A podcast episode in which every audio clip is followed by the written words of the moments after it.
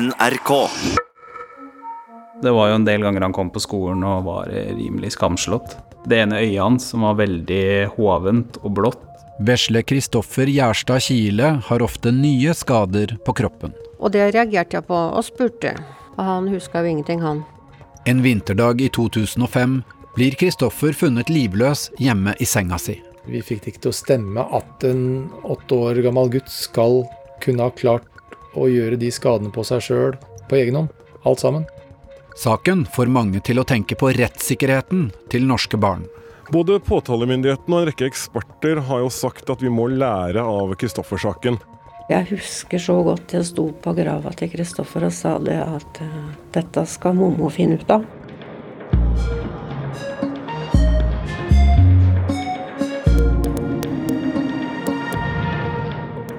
Du hører på hele historien om Kristoffer-saken av Sindre Leganger.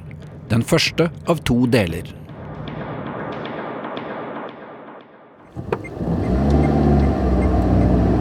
Det her eh, ble lest opp som et oppdrag for, for patruljen, min og kollega. Kvelden den 2. februar 2005 er Tom Rikard Skuggedal på jobb som politi i Sandefjord. Rett etter klokka ti mottar han og makkeren en melding på sambandet. I bygda Kodal har det skjedd noe tragisk. Sier at det har vært et dødsfall, en åtteåring, og at det muligens dreier seg om et selvdrap.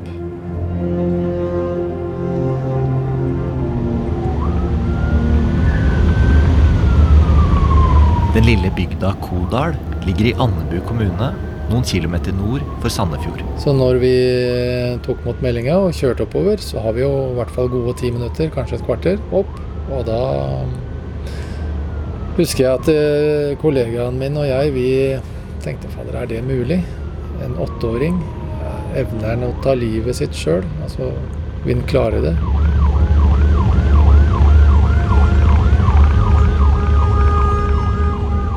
Når vi kommer til eh, adressen, så står det to ambulanser der. Og jeg tror det er mor som er på utsida og snakker med ambulansen. Skuggedal får vite at stefaren til barnet også er til stede, og går for å snakke med han. Når det gjelder eh, mor og stefar, så var de veldig tause. De sa ikke veldig mye. De utbroderte ingenting. De svarte akkurat på det jeg spurte om. Det var en veldig flat stemning. Jeg vet ikke åssen jeg hadde reagert hvis eh, barnet mitt hadde tatt livet sitt eller var død. Men jeg, jeg hadde forventa en større reaksjon, da. Etter jeg hadde snakka med de, så gikk jeg inn på gutterommet. Der lå han i senga si med dyne over seg, og det så helt stille og fredelig ut. Han så som han lå og sov, da. Skuggedal går bort til senga og løfter av dyna. Han var ikke rare kroppen. 1,30 høy, 27 kilo. Og fikk da se at guttungen hadde noe, noen skrammer, noen sår, noen hevelser på hodet. Og jeg klarer ikke helt å skjønne at guttungen kan ha gjort det selv, da.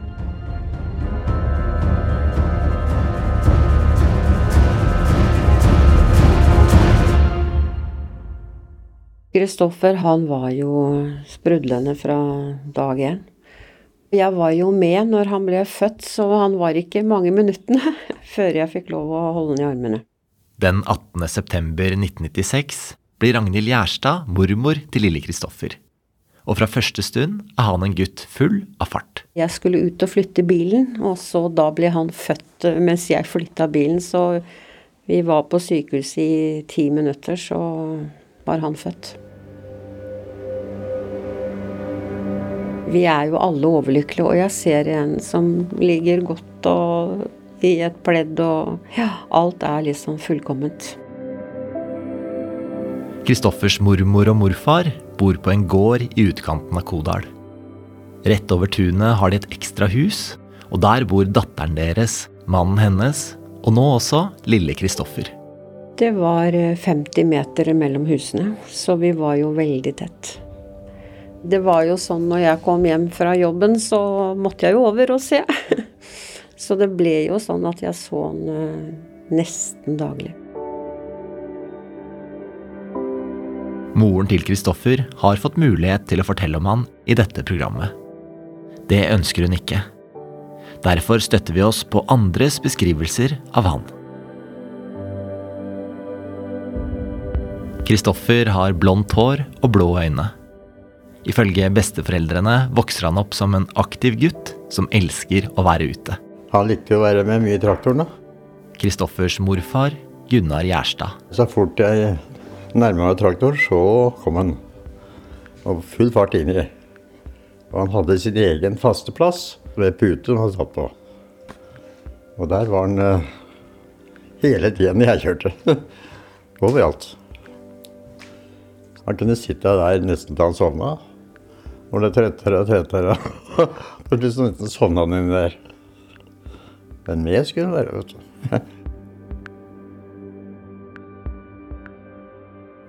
Men selv med hjelpsomme besteforeldre rett over tunet, blir det tøft for den lille familien.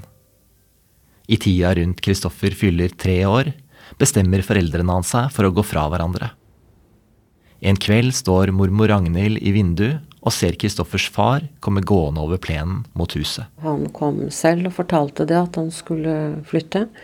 Og det syns jeg var eh, Det var leit, men samtidig så syns jeg det at det var fint gjort av han at han kom og sa det, at han skulle flytte. Faren til Kristoffer ønsker heller ikke å delta i dette programmet. Men han er glad for at historien fortelles. Etter at foreldrene skilles, skal Kristoffer få treffe faren annenhver helg. Og det er klart, det virka jo inn på Kristoffer. Han savna vel pappaen sin. Men det gikk seg jo til på en måte. Det året Kristoffer fyller seks år, skal han begynne på skolen. Familien er spent på hvordan det vil bli, for med Kristoffer er det fortsatt full fart. Mens han gikk i barnehagen, kom en utredning fram til at Kristoffer har lav frustrasjonsterskel og vansker med motorikk og konsentrasjonsevne.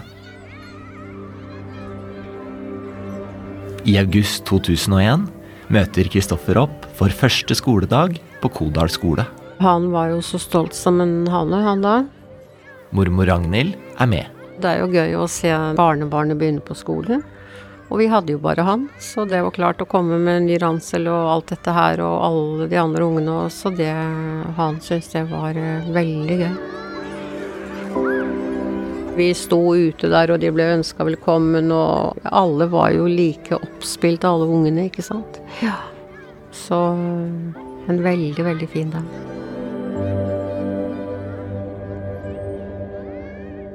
Jeg gikk i klassen over Kristoffer. Vi kjente hverandre jo i og med at vi hadde en del gym sammen på skolen. Chris Thomas Hansen Skogstad er en skolekamerat av Kristoffer. I tillegg til å være sammen i gymtimer og friminutt, går de på SFO sammen. Kristoffer var jo en veldig energisk gutt. Og med det så mener jeg det positivt at han var veldig sånn midtpunktet da, når vi var sammen. Altså at han var veldig livlig, han var veldig glad i å gjøre ting, han var veldig aktiv. Og det var på en måte, det var vanskelig å ikke se Kristoffer i skolegården. da, For han var veldig på og skulle gjøre ting hele tida. Ifølge personalet på skolen er Kristoffer alltid blid og en gutt som han lett blir glad i.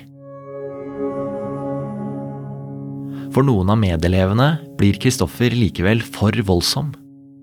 Utover høsten og våren rapporterer skolen om en gutt som kan klore og lugge, og av og til ikke hører etter når læreren snakker.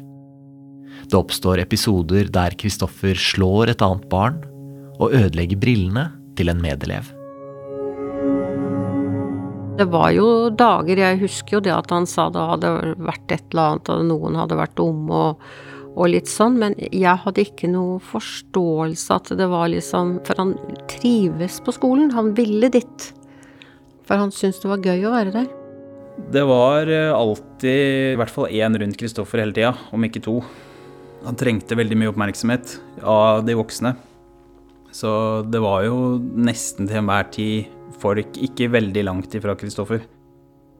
Da Kristoffer skal begynne i andre klasse, beslutter kommunen at han ukentlig skal få fem ekstratimer med pedagog og sju timer med assistent.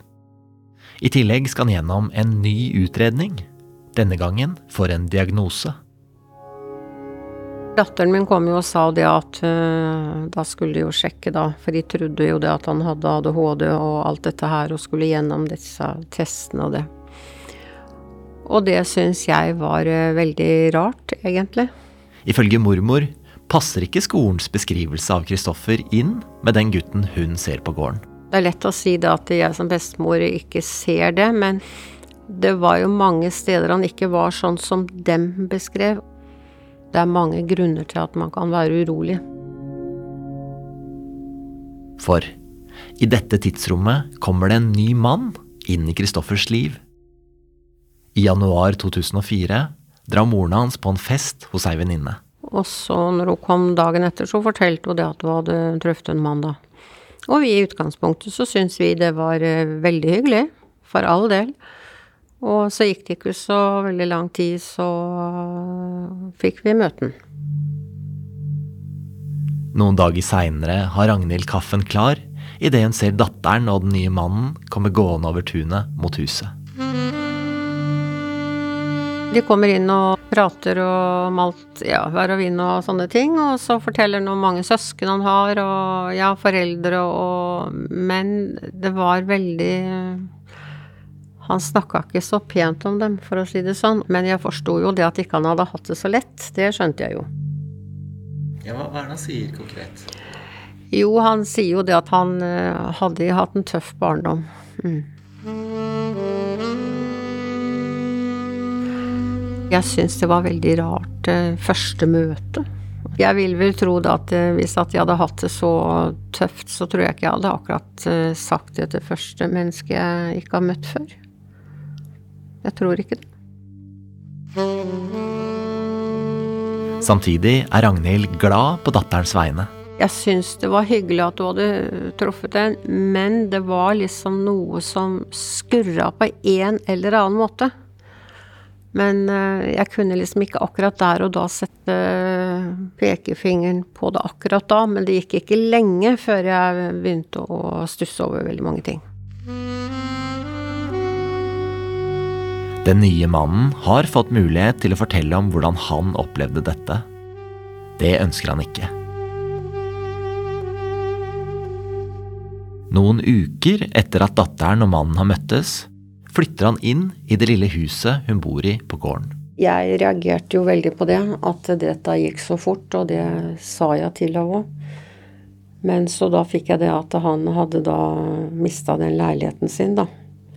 Så da måtte jo han ha et sted å bo, så derfor så flytta han inn, for hun hadde jo god plass.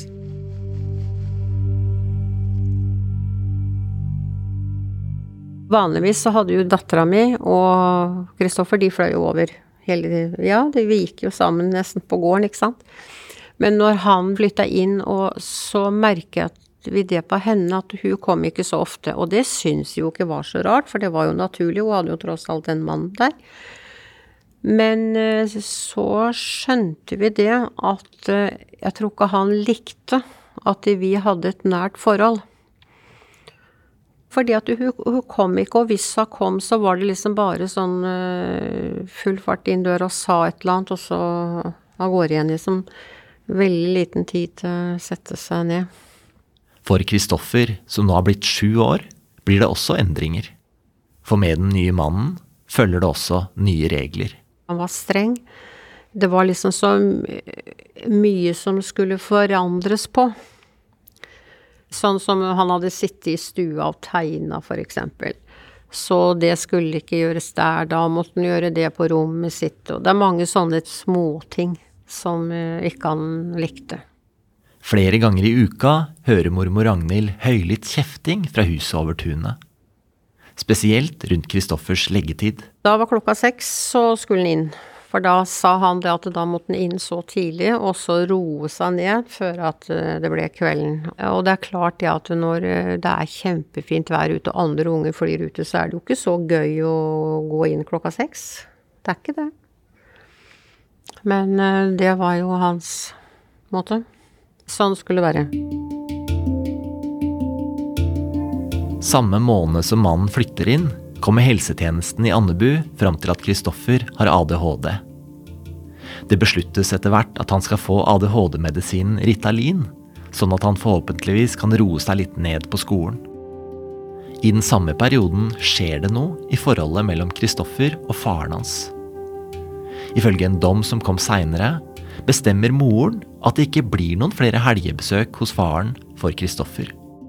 Da kom han uh, springende inn til oss og satte seg ned ved sida av meg. På, jeg satt i sofaen, og han satt på gulvet. Og så begynte han å skrike, og så sa han at 'jeg skal aldri til pappa mer'. Ifølge mormor sier Kristoffer at han ikke kan dra dit, for da får han ikke se mamma lenger. Så sa jeg 'hvorfor det'? Nei, kom ikke med noe. Sa ikke noe mer. Og så, går jeg over og snakker med dattera mi, så sa 'har det skjedd noe'? Liksom, hvorfor skal han ikke? For han ville jo alltid det før.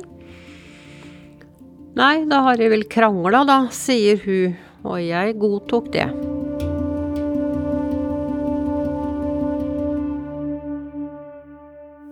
Men én ting holder Kristoffer oppe. Til sommeren fyller mormor 50 år, og det skal feires. Da skulle vi reise til Kreta alle sammen. Og den turen den hadde jeg bestilt tidlig, for da får du denne rabatten, da. Og Kristoffer gleda seg noe vanvittig til denne turen. Vi satt og bladde i kataloger, og han, han gleda seg så. Og så hadde jo denne mannen kommet da inn, ikke sant. Så da hadde vi jo ikke billett til han. Og det sa vi jo ifra, da, og da sa han det at nei, det var helt greit, at han kunne finne på noe annet. Ja, og da trodde vi jo det var greit. Og så begynte jeg å si til datteren min at nå må du få ordna dette passet til Kristoffer, for han hadde ikke pass. Ja, da hun skulle gjøre og det her varer rakk, og jeg sa det flere ganger, og begynte liksom å bli litt nervøs fordi at nå tiden gikk. Og så en dag så kom hun og sa det at uh, det blei ikke noe tur, for det at uh, hun fikk ikke pass til Kristoffer. Da Kristoffer får vite at det ikke blir noen sydentur likevel, blir han ifølge mormor så lei seg at ingen klarer å trøste han. Og Kristoffer, han gråt og gråt, og vi hadde jo liksom sittet og sett på disse bildene når vi skulle bade og kose oss, det var jo ikke måte på. Og så får vi den beskjeden. Så sier jeg da må vi jo finne på noe annet, da. Så enden på visa var jo det da at uh, denne mannen fant da et hus uh, i København for vi kunne jo ikke fly, ikke sant. Så vi reiste dit, for da kunne jo han også være med. I begynnelsen av juli 2004 reiser de alle sammen til Danmark. Huset de har leid, har tre soverom og en stor stue. Besteforeldrene tar ett rom, datteren og den nye mannen et annet, mens Kristoffer skal sove sammen med onkelen sin, som også er med. Kristoffer han lå da på rom sammen med onkel. I løpet av uka de er der, føler mormor for første gang at hun blir litt kjent med den nye mannen. Da var vi jo tett på hverandre. Og da fikk jeg jo se en ny side av han, og da ble jeg skeptisk.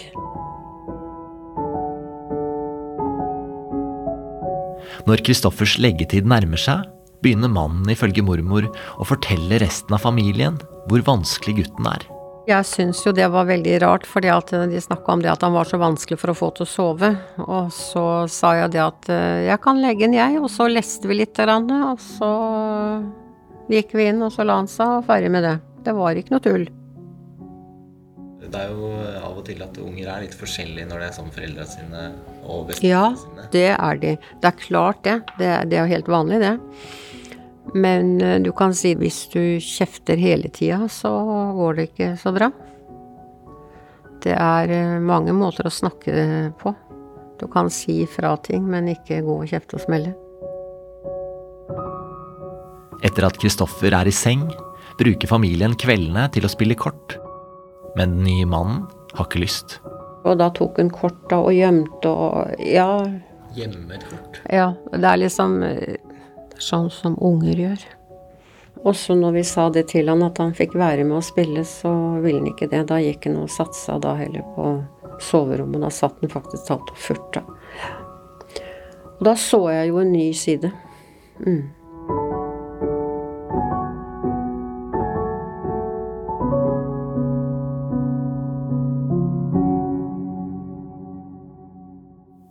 Etter sommerferien skjer det en ny forandring. Datteren og den nye mannen bestemmer seg for å flytte fra huset på gården. For at Kristoffer skal få kortere skolevei, har de sett seg ut en rekkehusleilighet nede i Kodal sentrum. Og Kristoffer gleda seg enormt til det. At det ble enda flere unger å leke med, og han gleda seg veldig. Men jeg tror ikke han hadde vært der mer enn en måned, så begynte han å lengte oppover igjen. I helgene får Kristoffer sove over hos besteforeldrene.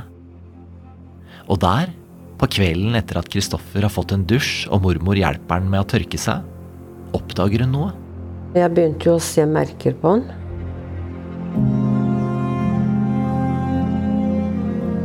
Mye blåmerker, men han hadde merker på mange rare steder. Ikke på de stedene som hvis du snubler og detter, da, for å si det sånn, så har du det foran, men hadde det på sånne merkelige steder. Og det reagerte jeg på, og spurte. Og da var det alltid sånn Og Han huska jo ingenting, han.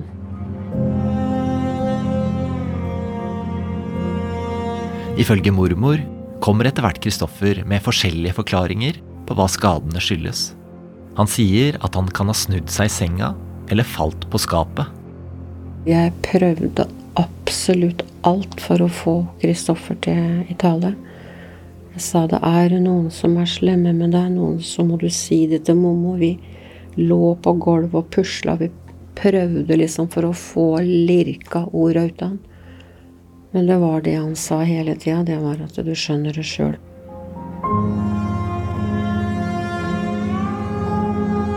Og jeg gjorde ikke det. For du tenker ikke at det er sånn.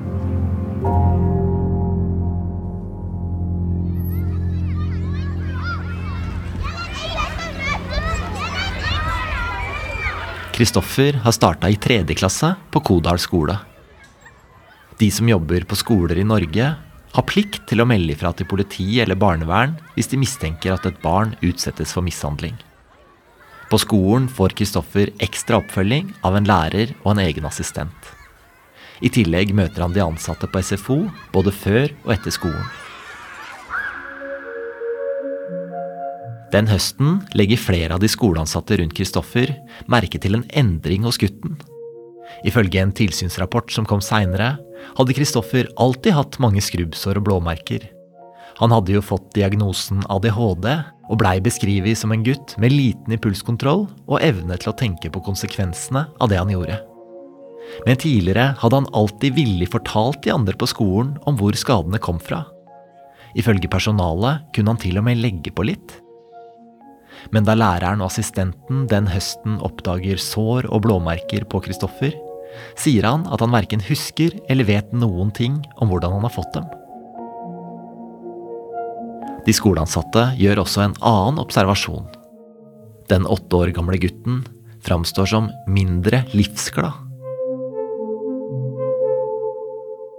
Det var jo en del ganger han kom på skolen og var rimelig skamslått. Og da så han jo rett og slett ikke ut i måneskinn. Chris Thomas går i klassen over Kristoffer. Jeg husker veldig godt det ene øyet hans som var veldig hovent og blått og ganske stygt slått.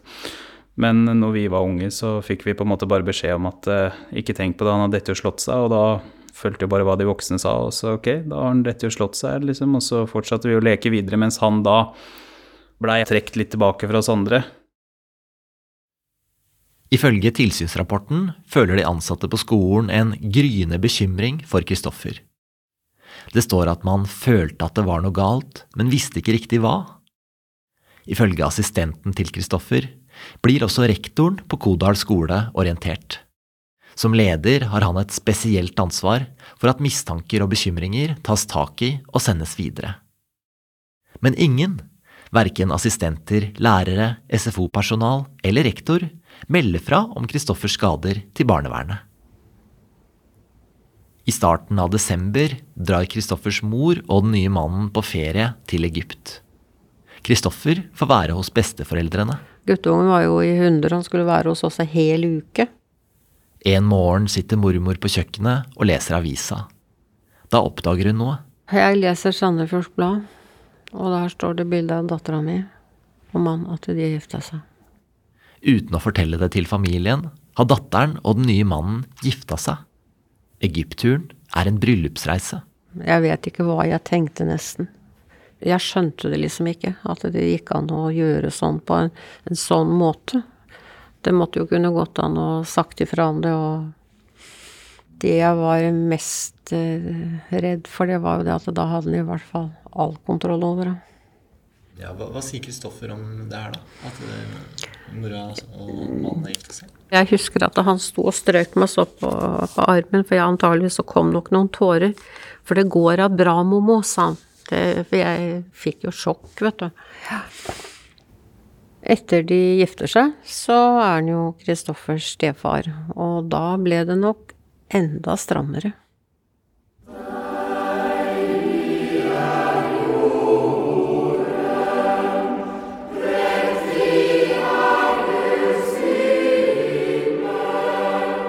Det blir jula 2004. På julaften pleier Kristoffer og moren å være hos besteforeldrene hele dagen. Men denne jula kommer de først langt utpå kvelden. Og Kristoffers nye stefar er ikke med. Da sier Kristoffer det, at eh, nei, han kjører bare bil og kjører rundt og rundt og rundt, han, og det tror jeg faktisk alt var sannheten. For eh, han ringte vel sikkert 50 ganger dattera di på telefon? Ja. Og han ringte og ringte, da. Og så til slutt så sa hun det at eh, nei, da fikk hun dra hjem. Kristoffer har åpna gaver og lekt med de nye tinga sine. Men da de skal dra, ber han om at de fineste leikene skal stå igjen hos mormor. Han vil jo ikke ha med seg det hjem. Det skulle jo være hos oss. For da sa han det at eh, han ødela de. Ifølge mormor forteller Kristoffer at stefaren ødelegger leikene hans. Enten brant den de opp, eller ødela de. Mm. Hva sier du da? Hvilke tanker gjør du deg? Nei, da ble jeg veldig frustrert, for jeg tenkte er det mulig? Men uh, det var jo ikke noe hjelp om jeg sa det. Det var jo bedre han hadde dem hos oss, da. Så beholdt han de. Så det står i skapet, og det, det står der ennå.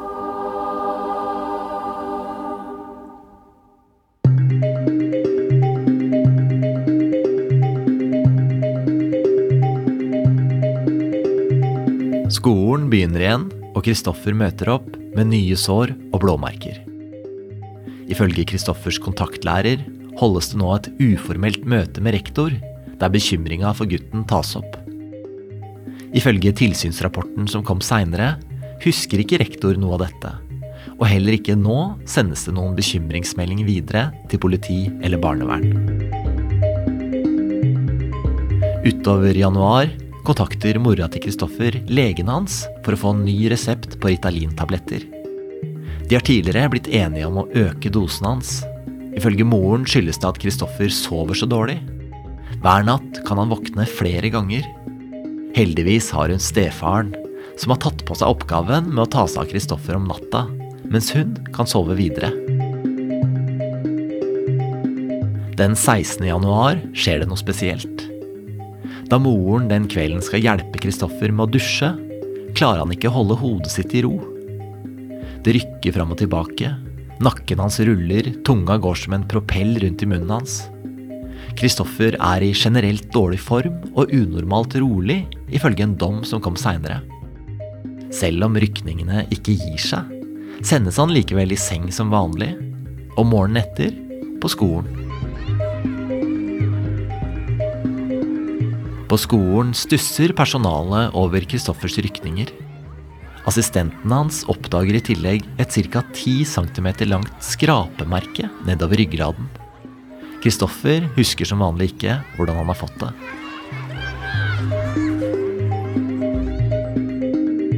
Den ettermiddagen skal mora til Kristoffer jobbe, så gutten skal være alene hjemme med stefaren.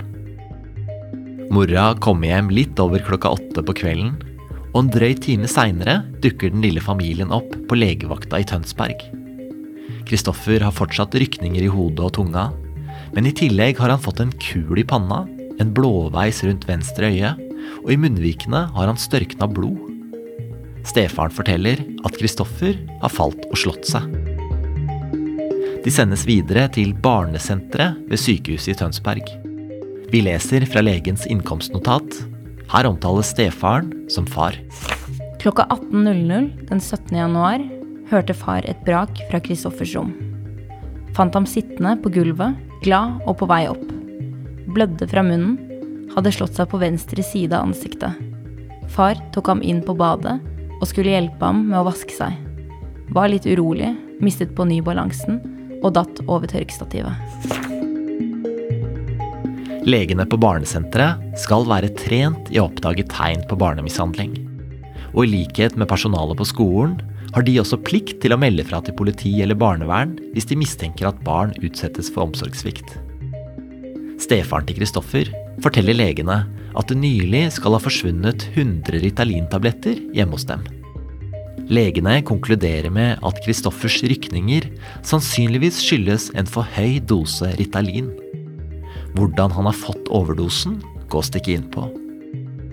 Når det kommer til blåveisen, kuren i panna og det blodige såret i munnen, antar en av legene at det har åtte år gamle Kristoffer påført seg selv. Ingen steder i legenes notater nevnes noen bekymring for barnemishandling. Det besluttes at Kristoffer skal legges inn for observasjon. Stefaren ringer da til Kristoffers mormor for å fortelle hvor gutten er. Sa han lå på sykehuset. Og vi hivde oss i bilen og kjørte inn. Og fikk nesten sjokk, altså, når han satt i senga. Han var jo helt blå. Og når jeg kom inn døra, så sier jeg hva som har skjedd, og da hang han seg rundt halsen min. Og han gråt og gråt. Og jeg var jo lamslått når jeg så åssen han så ut. Og så sier jeg 'hva har skjedd'? Hva som har skjedd? Og han huska ikke, han. Ifølge Ragnhild snur hun seg mot datteren og stefaren og spør om de veit noe mer. Da hadde han liksom falt og slått seg i ei kasse på rommet. Det var deres forklaring.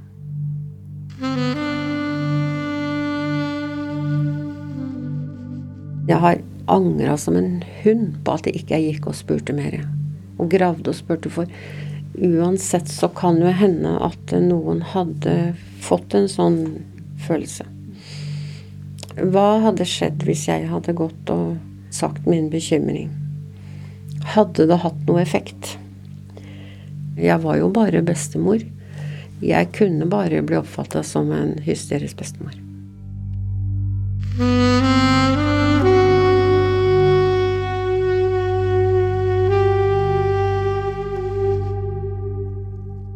Etter to dager på sykehuset skrives Kristoffer ut. Og dagen etter er han tilbake på skolen. Vi skjønte jo at det var et eller annet når han kom på skolen, rimelig skamslått. Kristoffers skolekamerat Chris Thomas. Altså, han ser ut som en regnbue i ansiktet, på en måte. Jeg husker vi satt inne på SFO, og han satt og tegna og var så skamslått i ansiktet. Og så fikk bare satt den helt rolig. Ikke noe tegn til noe sprell eller noen ting. Vanligvis hadde han kanskje sittet og tegna i to minutter, og så sett noen andre sitte og lekt med et eller annet i andre sida av rommet, så hadde han flydd dit og herja og styra og. Og så gikk jo vi selvfølgelig bort, for vi var bare unge her sjøl. Ja, Kristoffer, hva har skjedd med deg, da? Og så husker jeg veldig godt at da kommer det bare en lærer. Du, la Kristoffer være i fred. Gå og gjør noe annet. Fikk vi bare sånn vekk med dere. Altså, vi hørte på de voksne. Vi var bare små, vi òg, så da stakk vi og lekte. Men det er klart, vi Det var litt sånn ok. Men da Kristoffer dukker opp på skolen denne gangen, blir både assistenten og læreren hans alvorlig bekymra. Stefaren forteller dem at Kristoffer måtte på sykehus etter å ha falt. Men ifølge tilsynsrapporten kan ikke personalet forstå hvordan han har blitt så skada. Samtidig trøster de seg med at sykehuset må jo ha meldt fra til barnevernet eller politiet. Det har de jo plikt til. Læreren og assistenten skal likevel ha gjort en avtale med rektor om at han skal sjekke opp akkurat det. Ifølge rapporten husker rektor ingenting av det. To uker seinere, den 1. februar 2005, møter Kristoffer som vanlig opp på SFO på morgenen. Der oppdager en av de ansatte at Kristoffer har så vondt at han ikke klarer å skrive. Han viser fram skulderen sin, der han har et ringformet, væskende sår. For de ansatte ser det ut som et brannsår. Kristoffer blir spurt om hvordan han fikk det, og han forteller at han har slått seg om natta. Noe mer enn det husker han ikke. Da assistenten spør om det var andre til stede da det skjedde, sier Kristoffer stefarens navn. Nå forstår de ansatte på skolen at de må gjøre noe. Samme dag inviteres mora til Kristoffer til et møte. Tidspunktet settes til samme formiddag, men stefaren fortsatt er på jobb. De skoleansatte har lagt merke til hvordan det alltid har vært han som snakker i møtene, og nå vil de høre morens versjon. I forkant av møtet treffes SFO-lederen, Kristoffers lærer og rektor. Ifølge han er det første gangen han hører om bekymringen rundt Kristoffer. Kristoffers mor kommer til skolen. Ifølge tilsynsrapporten forteller hun at samme natt, mellom klokka to og tre en gang, hadde hun hørt støy fra rommet hans. Som vanlig hadde hun ikke stått opp, men isteden latt stefaren ta seg av det. På morgenen, da hun oppdaget alle skadene på Kristoffer, kunne hun ikke forstå noen ting. Skolepersonalet avtaler med moren at hun skal søke hjelp for Kristoffer hos barne- og ungdomspsykiatritjenesten. Så avsluttes møtet, og rektor vurderer at siden det ikke er snakk om mishandling eller alvorlig omsorgssvikt, er det ikke nødvendig å melde fra til noen. Kristoffer får gå tidlig hjem fra skolen den dagen. Det er siste gangen han er der.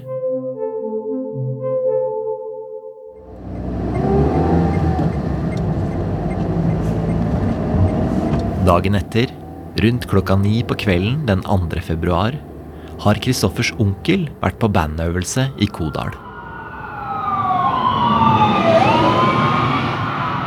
På vei hjem møter han en ambulanse i full utrykning, på vei mot området der Kristoffer bor. Onkelen ringer Kristoffers mormor, Ragnhild. Og så sier han det at han kjørte det opp mot dem, og så sier jeg da får du kjøre etter, da.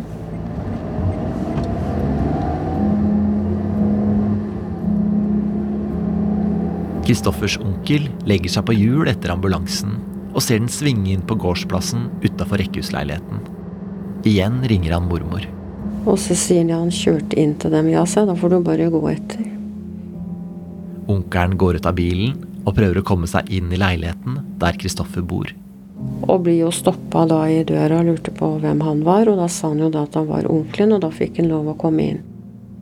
På stua ser onkelen Kristoffers mor sitte stille i sofaen, mens stefaren ifølge onkel virker vill og traver rundt i rommet. Onkelen hører at ambulansefolkene forsøker å gjenopplive Kristoffer. Enda en gang ringer han mormor Ragnhild. Sier det Mamma, det jeg holder på med nå Ja, sa du får jo ringe med en gang igjen. Og, og jeg gikk jo på gulvet. Jeg trodde jeg skulle tørne, og det tok jo så lang tid. Jeg trodde de skulle bare få den på sykehus, ikke sant? Klokka blir 21.47. Og venta og venta, og så ringer han og sier 'Mamma, de greide ikke å redde den'. Da var det en sykepleier som uh, sa det at uh, klokka er 21.47. Da var det ikke mer. Og da trodde jeg jo jeg skulle gå til gulvet.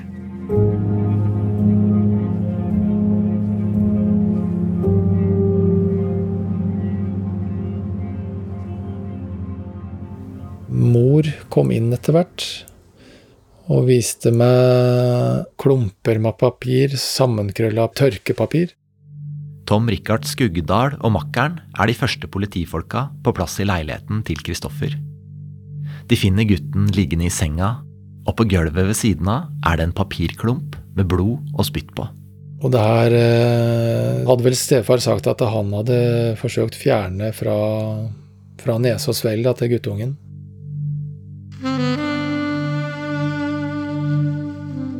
Vi fikk det ikke til å stemme at en åtte år gammel gutt skal kunne ha klart å gjøre de skadene på seg sjøl på egen hånd. Alt sammen. La oss si at han, eh, han putter faktisk papir og, og, sånn i munnen og nese og stopper frie luftveier. Og det klarer du kanskje en kort stund, men på et eller annet tidspunkt så regner med at han har de samme refleksene som oss andre. At du, hvis det er ingenting som hindrer deg å ta det ut igjen, at han ikke gjorde det.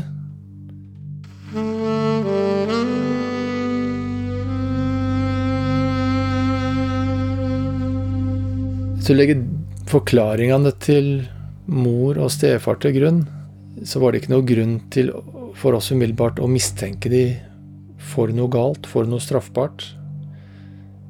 Men heller prøve også å føle med de i sorgen over å miste en eh, åtte år gammel gutt. Da. Samtidig så må jeg tilbake til den reaksjonen som, som mor og stefar hadde der oppe. Det, det var liksom ingenting. Så det var egentlig veldig forvirrende. Som politimann har Skuggedal flere ganger tidligere møtt familier i krise. Vi har blitt møtt med å bli skjelt ut, at det har vært skrik og skrål, fortvilelse, gråt. Altså et eller annet, da. En eller annen reaksjon. Men det som var der oppe, det var ingenting.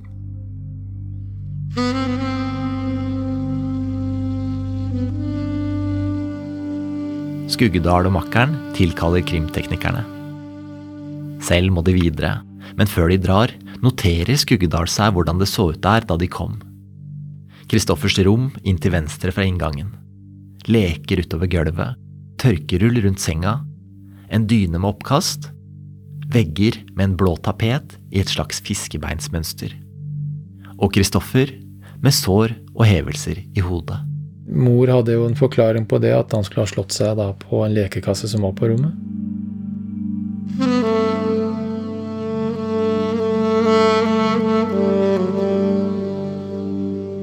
Noen dager seinere blir Skuggedal ringt opp av en av krimteknikerne. Han spurte om jeg hadde tid til å komme opp på kontoret hans, og det hadde jeg, så jeg gikk opp. Og da viste han meg, meg bilder fra rettsmedisinsk, hvor det da var eh, synlige skader av kraniebrudd på en 16-17 cm, som gikk fra den ene sida av hodet til det andre. Og jeg husker så godt det, det bildet han hadde jo fått barbert vekk øh, håret på hodet sitt. Mønsteret i hodet, det som eh, kraniebruddet var, det var eksakt samme mønsteret som du hadde i den fisketapeten i huset.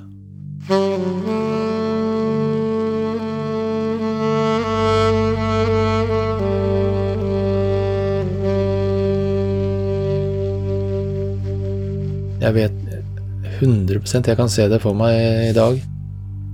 Og det, det bemerka jeg til kriminaltekniker eh, på stedet, og sa at det er jo akkurat det samme.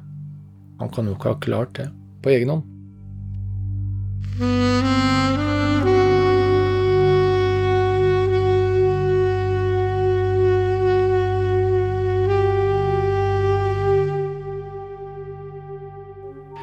Gjennom sin advokat har Kristoffers mor og stefar fått tilbud om å fortelle sine versjoner i programmet. Det ønsker de ikke. Kristoffers assistent, kontaktlærer, SFO-leder og rektor har fått forespørsel om å delta. Alle har takket nei. Det samme har sykehuslegen, som antok at Kristoffer skadet seg selv. Kristoffers biologiske far har også fått tilbud om å bidra, Pga. påkjenningen det innebærer, ønsker han ikke det, men er glad for at historien om Kristoffer kommer fram. Beskrivelsene i programmet er bl.a. basert på dommer fra Tønsberg tingrett og Agder lagmannsrett, Fylkesmannens tilsynsrapporter og boka Jeg tenker nok du skjønner det sjøl, skrevet av Jon Gangdal. Dette var første del av Kristoffersaken. Følg historien videre.